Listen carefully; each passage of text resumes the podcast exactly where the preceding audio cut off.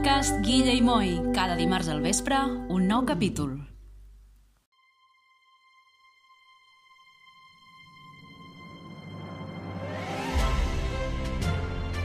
Hola a tothom, bon dit Arnit. Com esteu? ¿Qué pasa? ¿Qué pasa? ¿Qué pasa? Jo saludaré així a partir d'ara, Moi. ¿Qué pasa? ¿Qué pasa? T'agrada? Est... Sí, molt, molt, m'encanta la teva salutació. Estem ja en el cinquè, cinquè, five, fifth, perdó en anglès, fifth capítol de Guille i Moi Podcast. Fünf. Fünf. En alemán és fünf. Fünf. Es diu. A veure, prova de dir-ho. Zums, Fünf. zums. No. Fem una, fem una videotrucada per Zooms? bueno, doncs aquí estem. I molt contents aquesta setmana perquè heu començat a enviar-nos molts missatges, aproximadament més de, Molts ci- missatges. més de 500 o 1.000 missatges hem rebut de, de respostes sobre la pluja, O set. Podrien sigut set, eh? O, o 7, però semblaven 500, sobretot perquè alguns són molt llargs. Llavors, Molt llargs. Està bé que vulgueu desenvolupar una teoria sobre la pluja, perquè us ho vam demanar, però penseu que, que el podcast dura el que dura, que si no, al final la cosa s'allarga. Per tant, si ens envieu missatges, agrairem que siguin missatges una mica curtets. Sí, i més quan són tipus test, eh? Perquè la pregunta era córrer o caminar. A veure, que està bé que sí, presentis això, i a mi m'aprofito, no?, que us tinc aquí per dir-vos que m'agrada molt el programa, tot això molt bé. Però al final la resposta era córrer o caminar. I, per tant, us demanem, perquè avui hi haurà pregunta, avui hi haurà pregunta, us demanem que sigueu una mica més concisos. Sí, ah, i si voleu escoltar les respostes que heu donat, molts de vosaltres, doncs al final del programa les posem així seguidites. Toma ganxo. Ara s'han d'esperar. Ara, O poden tirar... Clar, poden posar el dit al final i sentir les respostes directament. Però no, no, sentiu el programa, que està molt bé. les respostes estan entre el minut 5 i el minut 45. haureu haureu d'escoltar-lo. Gincana, Gincana Podcast. Molt bé, doncs eh, jo estic molt content i moltes ganes de parlar, que la setmana passada em vaig estar calladet.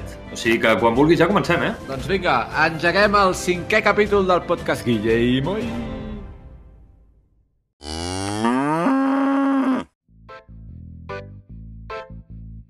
La setmana passada vam rebre una petició d'un oient, la recordem. I també us volia proposar un tema, un tema que a mi m'agrada molt, que sóc una mica friki, i que són els, els ovnis i els extraterrestres. Com que sou una part imprescindible del nostre podcast i volem que sigueu feliços, vam decidir enviar en Johnny Hotdog a investigar a l'Àrea 51 per veure què podia esbrinar sobre tot el tema aquest dels alienígenes. Sí, però ens va dir que no podia anar perquè estava molt liat amb no sé què d'una querella contra l'alcalde perquè es veu que encara no havia arreglat l'antena de televisió del seu poble o no sé què. Sempre igual, en Johnny. De totes maneres, ens va passar el telèfon d'un treballador de l'Àrea 51 que, convenientment, resulta que també parla català. I aquí teniu la trucada que va fer Moi, perquè jo no m'atrevia a trucar-lo i en Moi sap com posar el telèfon en número oculto i jo no, així que va trucar ell. Us posem la conversa.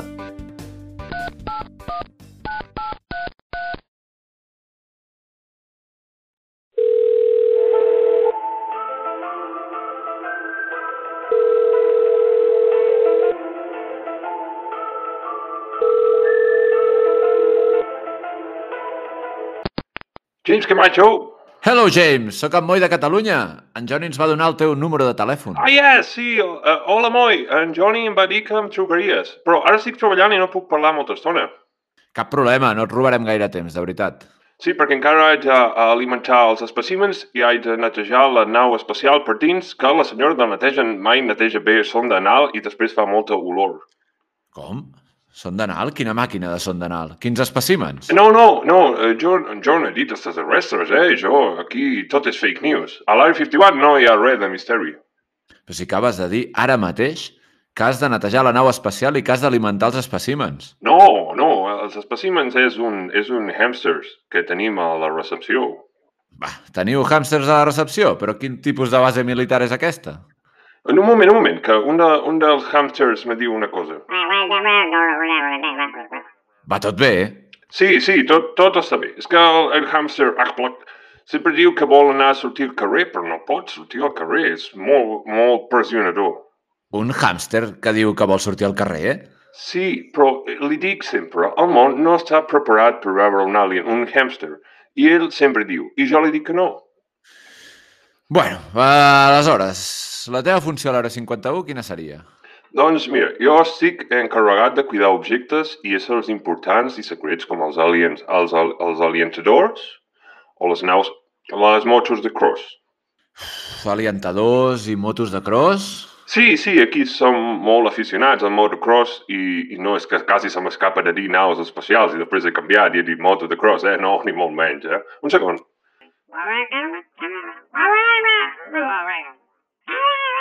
James? James? Sembla que el hàmster t'està donant problemes. Sí, és que ara me diu que no vol de menjar aquesta cosa que li dono, que vol menjar la caca. Com? Caca?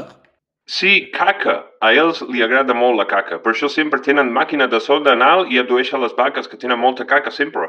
Abdueixen vaques? Qui abdueix vaques? Ah, no, no. Qui diu res d'abduir les vaques? Tu, ho acabes de dir. No, eh, m'he entès malament, perquè estic pensant en traduir i no penso que dic. Vull dir que els aliens, vull dir, els conills de la recepció no volen de menjar que els hi porto. Conills, però no eren hàmster, James. Hamsters? Jo no he dit hamsters, he dit ratolins tota l'estona, no? Acabes de dir que són conills ara mateix. Sí, he dit això. Doncs, ok. El que creguis més tu, el que te soni més verosímil. Llavors, no hi ha res estrany a l'Àrea 51, no? Ni extraterrestres, ni naus espacials. Eh? Què és això? Has saltat una alarma? No, no, sí, no, eh, un, un segon. Salva la lasers! Fucking lasers! Alive! Hola? Hola, James? James? Caram, sembla que s'ha tallat. Provarem de trucar un altre cop.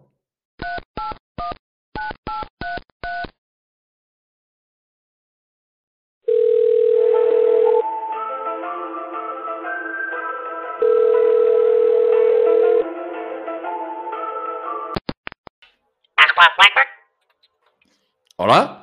Volia parlar amb en James Camacho.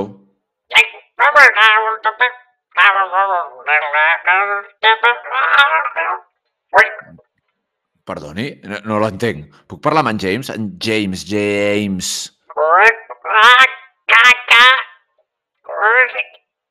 Tens caca tu? On vius? Vull la teva caca. Uf, em sembla que penjo, eh? Això s'està anant de mare. Adeu.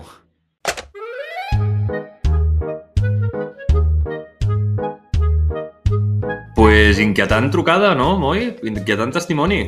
Sí, vaig intentar tornar a parlar amb en James i, i no ho vaig aconseguir, eh? L'he trucat dos o tres vegades i en James Camacho està totalment desaparegut. Desaparecido en combate, 5, pobre. Bueno, esperem, esperem que, que, no sé, que sigui una cosa lleu i que, no sé, que no te l'ha agafat perquè té... Eh... No se m'acut res. Quina excusa. Perquè és evident que se l'ha encarregat als aliens, tio. Jo, jo, ja ho he dit, ja ho he dit. Bueno, lo important és que l'espectáculo debe continuar. Per tant, Guillem, avancem.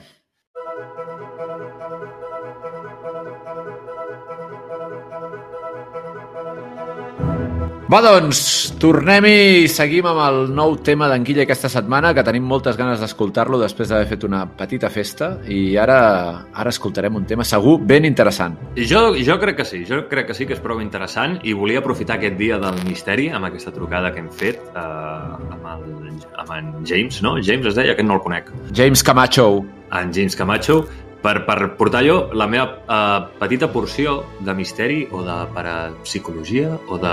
Bueno, parapsicologia no, no? Paranormal? Seria paranormal, no? De- M'he volgut complicar i la paraula era molt fàcil. Di- Digues, digues, digues. És que jo aquí ara se m'ha perdut el, el fil. Doncs avui vull parlar-vos de tres de les teories conspiranoiques més populars i que fins i tot avui tenen els seus seguidors. Endavant, Guillem! Abans d'entrar al tema, però, m'agradaria exposar doncs, que el secretisme per part d'algunes autoritats, digue-li governs, eh, agències militars, agències estatals, mitjans de comunicació també, que s'aprofiten d'aquestes polèmiques per guanyar seguidors i guanyar audiència, tot això ajuda a la propagació d'aquestes idees eh, conspiranoiques, no? I creant aquest caldo de cultiu ideal perquè els bojos, entre cometes, escampin les seves teories. No? Internet també ajuda moltíssim a la proliferació d'aquestes teories conspiranoiques perquè al, fi, al cap i a la fi doncs, donen altaveu als grillats que per algun motiu doncs, troben que la realitat no és prou enrebaçada, moi. La realitat no és prou enrebaçada. Llavors, inventem-nos plans secrets i ocults per fer la vida doncs, una mica més amena, no? Però això, Guillem, ha sigut tota la vida. Vull dir, jo em sembla que des de la Primera Guerra Mundial que comença a funcionar el tema de les notícies, que la vida passa per inventar-se coses dels altres per, vinga, per fer una mica de salsillo. Sí, sí, sí, efectivament, això va amb les persones. Eh? També m'agradaria diferenciar els sonats i els grillats aquests amb la gent normal, eh? que hi ha molta gent normal i corrent doncs, que es pren aquestes teories doncs, com un divertiment i que no va ser la seva vida en divulgar i en retuitejar i difondre teories conspiranoiques tot el rato, que simplement doncs, ho miren doncs, com qui llegeix una novel·la o que es posa una pel·li. Que no és el nostre cas, eh? Nosaltres ens ho creiem totalment. Vale, eh, aquí, ja, aquí ja tenim una... aquí ja tenim un conflicte. No, jo no em crec res en absolut. I jo vinc aquí a desmentir...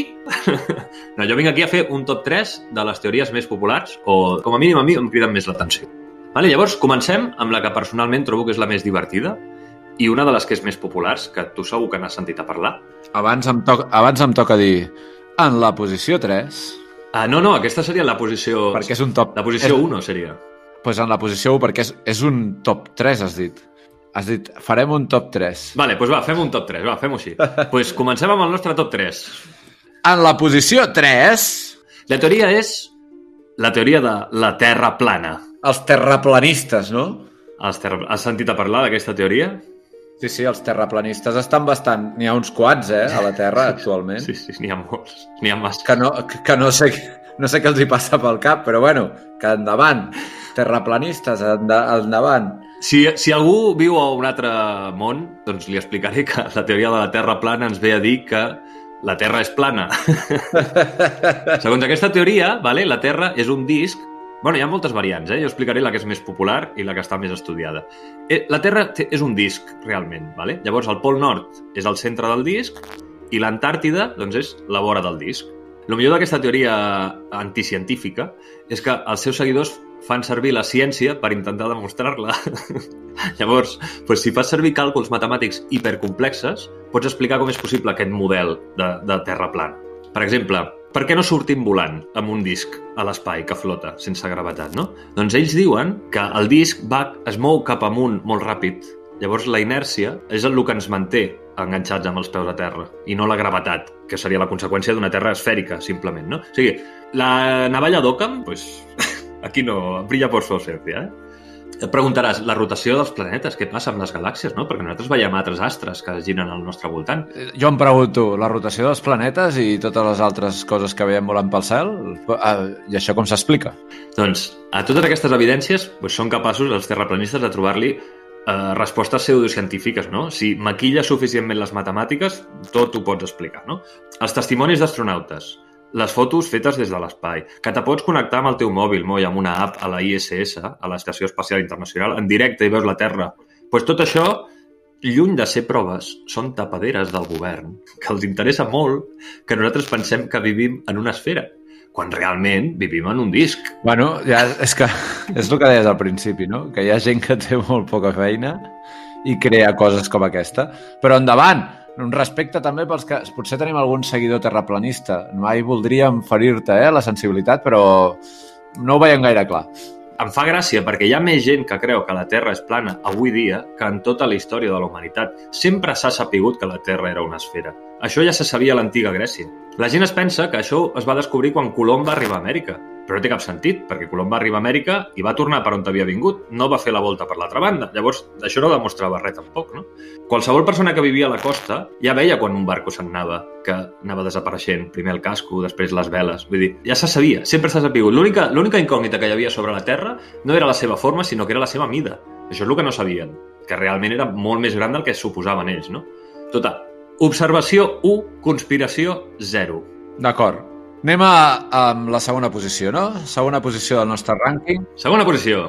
En la segona posició del rànquing de conspiranoicos refrings, Karen? Teoria conspiranoica número 2.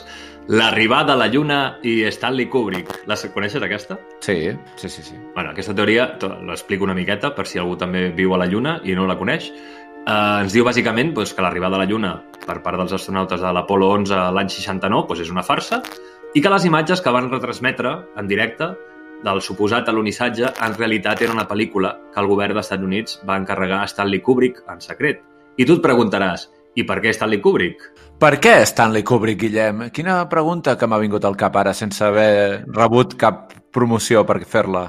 pues mira, Moi, la veritat és que no ho sé. Suposo que perquè l'any abans havia fet 2001, una odissea a l'espai, i bueno, al de govern li devia semblar molt realista i van dir, mira, ja el tenim. Bueno, això sí és veritat el que diuen, no? Home, no, evidentment és mentida. O sigui, tot aquest muntatge es devia de fer suposadament per guanyar la Unió Soviètica a la cursa espacial, que en aquella època estaven amb això. I la pregunta que jo els hi faig als... Eh, Els que creuen en una pel·lícula de la Lluna, bàsicament. la pregunta que els hi faig a la gent que creu en una pel·lícula de la Lluna és si tot això va ser un muntatge per guanyar els russos, com és que els russos van reconèixer que les proves eren veritables? No haurien de ser ells els primers en denunciar que allò era un muntatge? Sobretot si pensem que són els únics perjudicats. Jo el que no crec, jo sí, el que crec jo, eh, és que els russos no podien arribar a la Lluna amb el que tenien i els hi va anar molt bé, també, perquè si no, si anaven al, a la part, podrien haver anat darrere, al cap de dos mesos, i no van anar. O sí, i no ho han dit a ningú. Ui, ui, ui, tindrem problemes tu i jo, eh, Moi? Demanem uh, disculpes a tota la, a tota la població russa, eh? Verema, és verbena. Bueno, pues, eh, el resum d'aquesta teoria és lògica 1, conspiració 0. Eh? De moment la conspiració no, sembla que no està guanyant cap partit i perilla el seu passe als vuitens de final. Vale, uh, número 3. En la primera, és la primera, eh? número 3, però en la primera posició. En la primera posició, En la primera posició tenim una de les més bones també i més conegudes, que és la del Triangle de les Bermudes. home, que, que a mi m'encanta el Triangle de les Bermudes. El Triangle de les Bermudes, per qui visqui a Júpiter i no sàpiga què és, perquè està molt liat aguantant vents de molta velocitat, no? Llavors, eh, el Triangle de les Bermudes és una zona de l'oceà Atlàntic, vale? que uneix les illes de les Bermudes amb Miami o Miami, pensi vos dir bé o malament, i la illa de Puerto Rico, vale? i forma un, triangle equilàter que més o menys té una àrea d'un milió de quilòmetres quadrats. I la teoria ens diu, com tu ja saps, i segurament tothom sap, que en aquesta zona hi ha desaparicions misterioses inexplicables, no? tant de vaixells com d'avions. I pels conspiranoics, inexplicable és sinònim d'oportunitat. Llavors trobem teories pues, que volen explicar aquestes desaparicions que van des d'energies telúriques eh, fins a alienígenes o camps electromagnètics, en fi, qualsevol cosa, el calaix de sastre. Jo crec que la, aquesta, aquesta, precisament el del Triangle de les Bermudes, jo crec que va servir com a una mica d'inspiració potser per Lost, per Perdidos, eh? Va ser una, una opció segura de dir, ostres, aprofitem aquesta idea, que pot estar bé. Però Lost és ficció, eh? I això també. Va, vale, tornes a ser equipo Guille, molt bé. molt bé, m'alegro d'haver-te recuperat, Moi. Pues el cas és que hi ha molts fets que expliquen per què en aquest punt del planeta hi ha més desaparicions que en d'altres punts. La primera cosa que ho explica, que és la més fonamental, és que aquí hi ha més trànsit. Si hi ha més trànsit, és normal que hi hagi més incidents. Hi ha més accidents de cotxe a Barcelona que a Sant Jordi desvalls. Per què? Pues perquè hi ha molts més cotxes movent-se. Evidentment és bastant raonable. Sí, sí, en els últims 100 anys hi han passat més de 10 milions de naus per allà. I en els últims 50 han desaparegut 50 vaixells i 20 avions, que en comparació amb altres llocs, bueno, és un percentatge baixíssim. De fet, és una zona prou segura com per anar. Sí, però bueno, però devia desaparèixer segur en el seu moment algun molt important i aquí, aquí es va girar tot. Per això que et deia, han desaparegut 50 vaixells i 20 avions, que aquesta és la xifra real i registrada, perquè molta gent també atribueix, molta gent no, molts conspiranoics atribueixen amb, amb aquestes desaparicions misterioses coses que han passat a 600 quilòmetres fora del triangle. Vull dir, clar, si, si tot i què, bé, tot el que desaparegui a l'Atlàntic al final és cosa del triangle de les Bermudes, no? Els conspiranoics podrien dir, i ara és quan has de participar, i per què no es troben les restes dels naufragis o dels avions estavellats? I ara em ve al cap una pregunta. I per què no es troben les restes dels naufragis o dels avions estavellats, Guillem? Doncs pues mira, aquí m'has pillat, perquè la veritat és que costa de trobar les restes, no? Se creu que pot ser perquè la corrent del Golf i els huracans que són propensos en aquella zona i que és una zona molt profunda de l'oceà doncs fan que sigui molt difícil rescatar les restes, no? De, dels vaixells enfonsats, dels avions, etc. Però bueno, aquí la prova definitiva de que el Triangle de les Bermudes és un mite, a banda de que perquè ho va escriure un escriptor de ciència-ficció que es deia Charles Berlitz, que va publicar un llibre que es deia El Triángulo de les Bermudes, pues és que el fet que l'asseguradora Marítima Lloyd de Londres no cobra cap tarifa addicional als vaixells que naveguen en aquella zona, perquè consideren que és exactament igual que la resta de l'oceà. Si fos una zona de risc, cobrarien més, no, els seguros? Hasta aquí puedo leer, senyoria. Bueno, doncs jo crec que Economia 1, conspiració 0, eh? Malauradament, la conspiració no ha guanyat cap partit i no passa de la fase de grups. Més sort l'any que ve. Molt bé, molt bé. Doncs tenim tres casos clars de que la, la, la, les coses no són com semblen a vegades i a vegades hi ha d'haver una mica paro, paro de parlar perquè se m'està anant.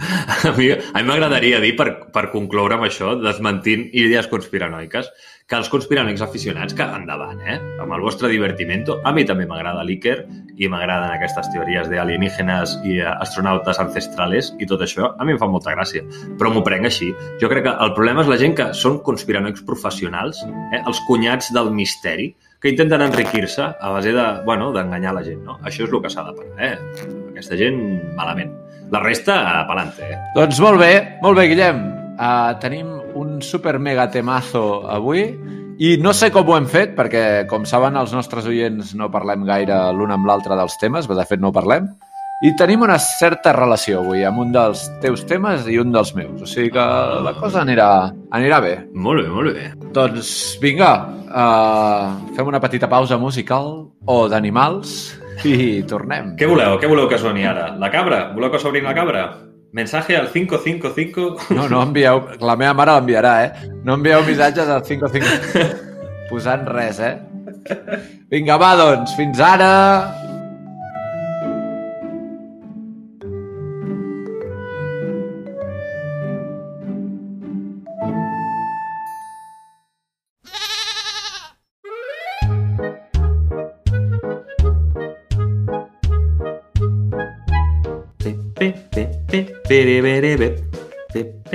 M'agrada aquesta cançó. T'agrada, Moi?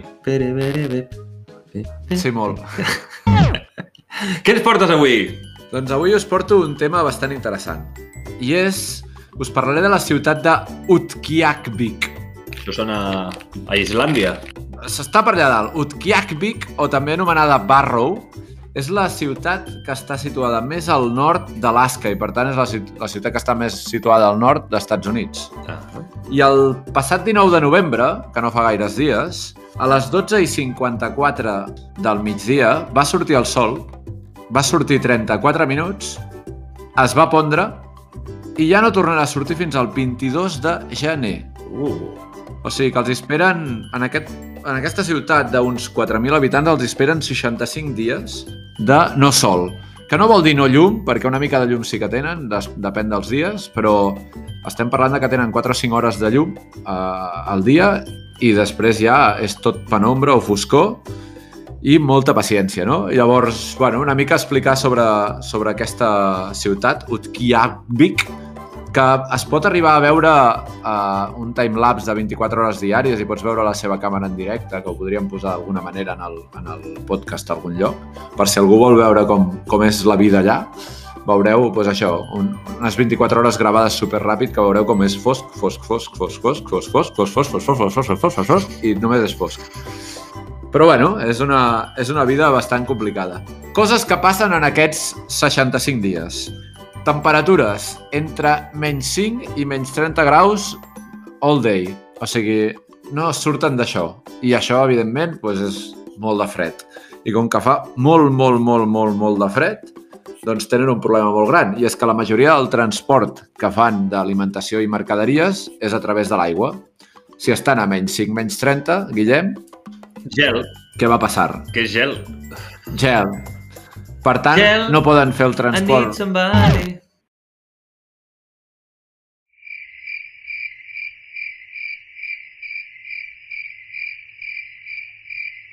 Doncs això, que no poden fer el transport i com que no poden fer el transport doncs han d'acumular tot el menjar i el beure que necessitaran per 65 dies o una mica més, perquè això, que surti el sol no vol dir que se'n vagi el gel, però vol dir que, bueno, tenen tota una feina d'acumulació que és bastant complicada, no? Això els porta a una cosa que segur que, si t'ho dic, diràs, era, era d'esperar. Uh, saps on és l'índex de depressió més gran d'Estats Units, o més alt? A, a Utepil, ai, a Pirkapur. Com es deia el lloc? Sí, a, Utqiagvik. A Utqiagvik. Utqiagvik. Utqiagvik té tota la pinta. Utqiagvik, bueno, Alaska en si en general, d'Estats Units és el lloc on hi ha més depressions, i és normal, perquè és una, és una locura, no?, viure aquesta nit de 65 dies, no? Doncs jo crec que deu ser una cosa molt bèstia. Hi ha gent que és així, els tecnològicos així guais, que, bueno, la solució que han fet és, és comprar-se unes làmperes que generen la mateixa llum que la llum del sol per obtenir vitamina D i que el seu cos no, no perdi una mica el ritme, no? I això hi ha gent que s'ho compra i, i que viuen allà sota una làmpara durant unes hores perquè els hi toqui aquesta llum que els hi permeti... Però com que els hi han de portar en barco i està glaçat, no els hi arriba. No, no, perquè aquestes les compren per Amazon Prime Helicopter. Ah, vale, vale. Vale? I l'Amazon Prime Helicopter arriba. vale, vale. Una salutació a Amazon Prime, si ens volen, si ens volen patrocinar, estem oberts. I a part d'això, pues, saps què fan durant el dia, quan és nit? Per tant, durant la dia-nit, treballen. Clar, dormir, dormir no, clar, perquè ja han dormit, no? A la nit-nit. Llavors, el dia-nit, Treballen. Treballen a saco. Estan treballant a saco, tot el dia. S'aixequen a... O sigui, però de què treballa aquesta gent? es posen a les 10 del matí a treballar i tenen les seves botiguetes. Són, és una població de 4.000 persones, per tant tenen les seves botiguetes i les seves històries. Es fiquen a treballar a les 10 del matí perquè fa massa fred per treballar abans i fins les 10 de la nit ben bé estan treballant. Llavors, alternen la seva feina que tenen normalment com a botiguer, com a cuiner, el que sigui, amb una feina maquíssima de la zona d'Alaska, que és caçar foques i balenes. Uh, es dediquen a la, a la caça també i també s'hi dediquen unes, unes quantes hores. I, bueno, el que fan un cop han acabat la feina és tancar-se a casa, perquè estan a menys 25, segurament, i es veu que tira molt el tema dels videojocs, del Netflix, totes aquestes coses que jo crec que per obligació ho utilitzen, no? Uh, aquesta és la vida a que era una de les coses que us volia explicar avui.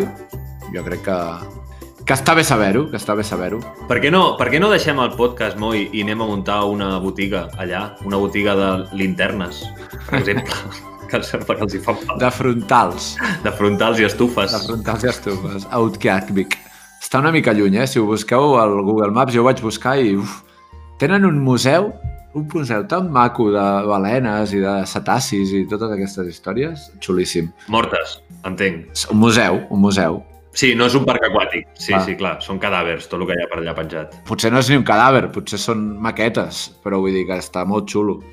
I t'expliquen la història dels inuits, dels esquimals i totes aquestes coses. Està bastant guai. Està bé, està bé. Els inuits tenen una paraula per quan estàs esperant que algú vingui i no ve, Sí. te'n recordes? es, és? Utqiagvik. It's, it's for cat, no, no me'n recordo com era. Itch for cat. Sí, sí, sí. It's for poc. It's for poc. It's for poc. It's for poc. Bueno, doncs aquesta ciutat em genera una pregunta i jo la llançaria a l'audiència, si et sembla bé, Guillem. Sí, sí, sí, me la pots llançar a mi també i a veure si se m'acut una resposta. Perquè eh, en aquest poble hi ha 65 dies de nit seguides, però allà on viuen, i com pots comprovar i entendre, també tenen una època de l'any que són 65 dies de dia seguit. Clar. I llavors la pregunta és, què triaries? Viure sempre de dia o viure sempre de nit? Oh, vaja. Aquesta és la meva, aquesta és la meva pregunta que llenço. Només obres melonazos, tu, eh? Bueno, és, és, és la pregunta d'aquesta setmana i esperem moltes respostes perquè, bueno, aviam què opines tu així a bote pronto. Jo a bote pronto opino que millor de nit, no? Perquè de dia a mi dormir em costa molt i mira, ja t'acostumes, no?, a la foscor i anar a treballar de nit i això. De fet, ara, més o menys, hi ha molta gent que viu de nit perquè passa tot el dia dins l'oficina. Surten de casa de nit i tornen a casa que ja és de nit un altre cop. Per tant, més o menys... Però clar, de dia, tot el dia de dia... No, molt millor tot el dia de dia. Tu diràs. Molt millor. Que sortís al carrer i hi hagi una mica de vida, no? I a més que si t'han d'arribar això que has demanat tu a l'Amazon o alguna cosa i no et ve perquè el, el riu està glaçat o el que sigui, no, però millor de nit, eh? Jo crec que millor de nit. O de dia. En Guillem sempre té aquests, aquests dubtes existencials. Quan li poso preguntes d'aquestes, pateix molt. Bueno, Guille, uh, de dia o de nit, la qüestió és que els nostres oients... De vespre. Ja m'he decidit. Vull que sigui de vespre, sempre. Els nostres oients ens hauran de dir si haguéssiu de viure sempre de dia o sempre de nit, què preferiríeu? Aviam, aviam què responen. Aviam què responen. I ja sabeu, per a contactar-nos, la Marina ara us explica com ho heu de fer. Tens alguna cosa a dir? Vols fer-nos companyia? Envia els teus missatges de veu a ja.cat barra Guillemoy SMS.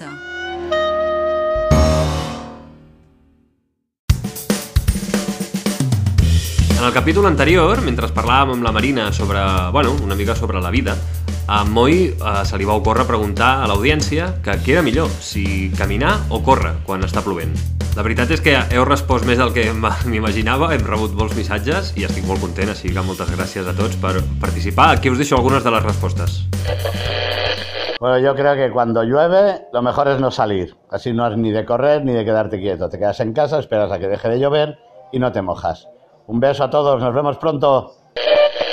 Jo crec que quan, quan corres, si plou, sí que és veritat que agafes més superfície mullant-te, és a dir, que l'aigua pues, és com si fes vent, no? Te mulla més la part del pit i, i tota la part de davant del cos, però crec que com que corres i estàs mm, menys estona exposat a la pluja, t'acabes mullant menys que no pas si vas caminant a poc a poc i vas acumulant pluja sobre el cap i els ombros i part, de, part del pit. Ahí va. Yo tengo una teoría con esto de, de llover. Yo creo que lo mejor es correr. Porque si corres sí que te mojas más rápido, pero no cala tan rápido. Si vas caminando, el agua que te cae te va calando y va penetrando. En cambio, si vas corriendo, no. Mi teoría es que lo mejor es correr. Venga, un abrazo. Jo sóc del parer que ens hem d'aturar, desplegar els braços, alçar el cap i que plogui. Perquè, aviam, quan plou, normalment cau aigua. No cauen pianos de cua. I nosaltres ja ho som d'aigua, en un 80%. Oi, Marina? Per cert, benvinguda. Ja ens ho podràs esbrinar, això. Podem estar unes quantes setmanes sense menjar, però 48 hores sense beure aigua i som pell.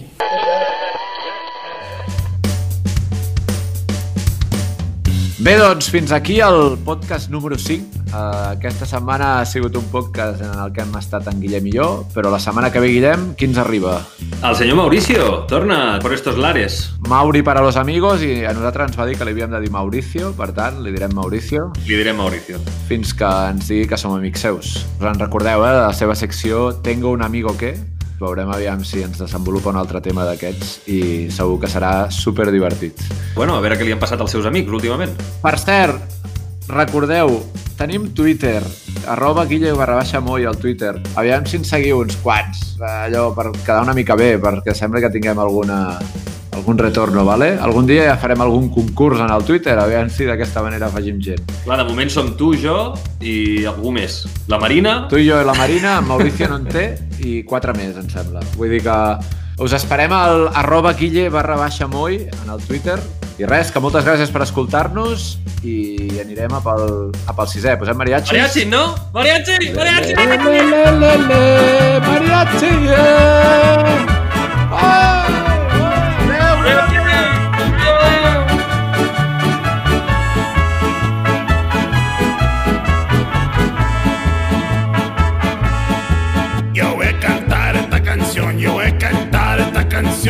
mi gente con una pasión.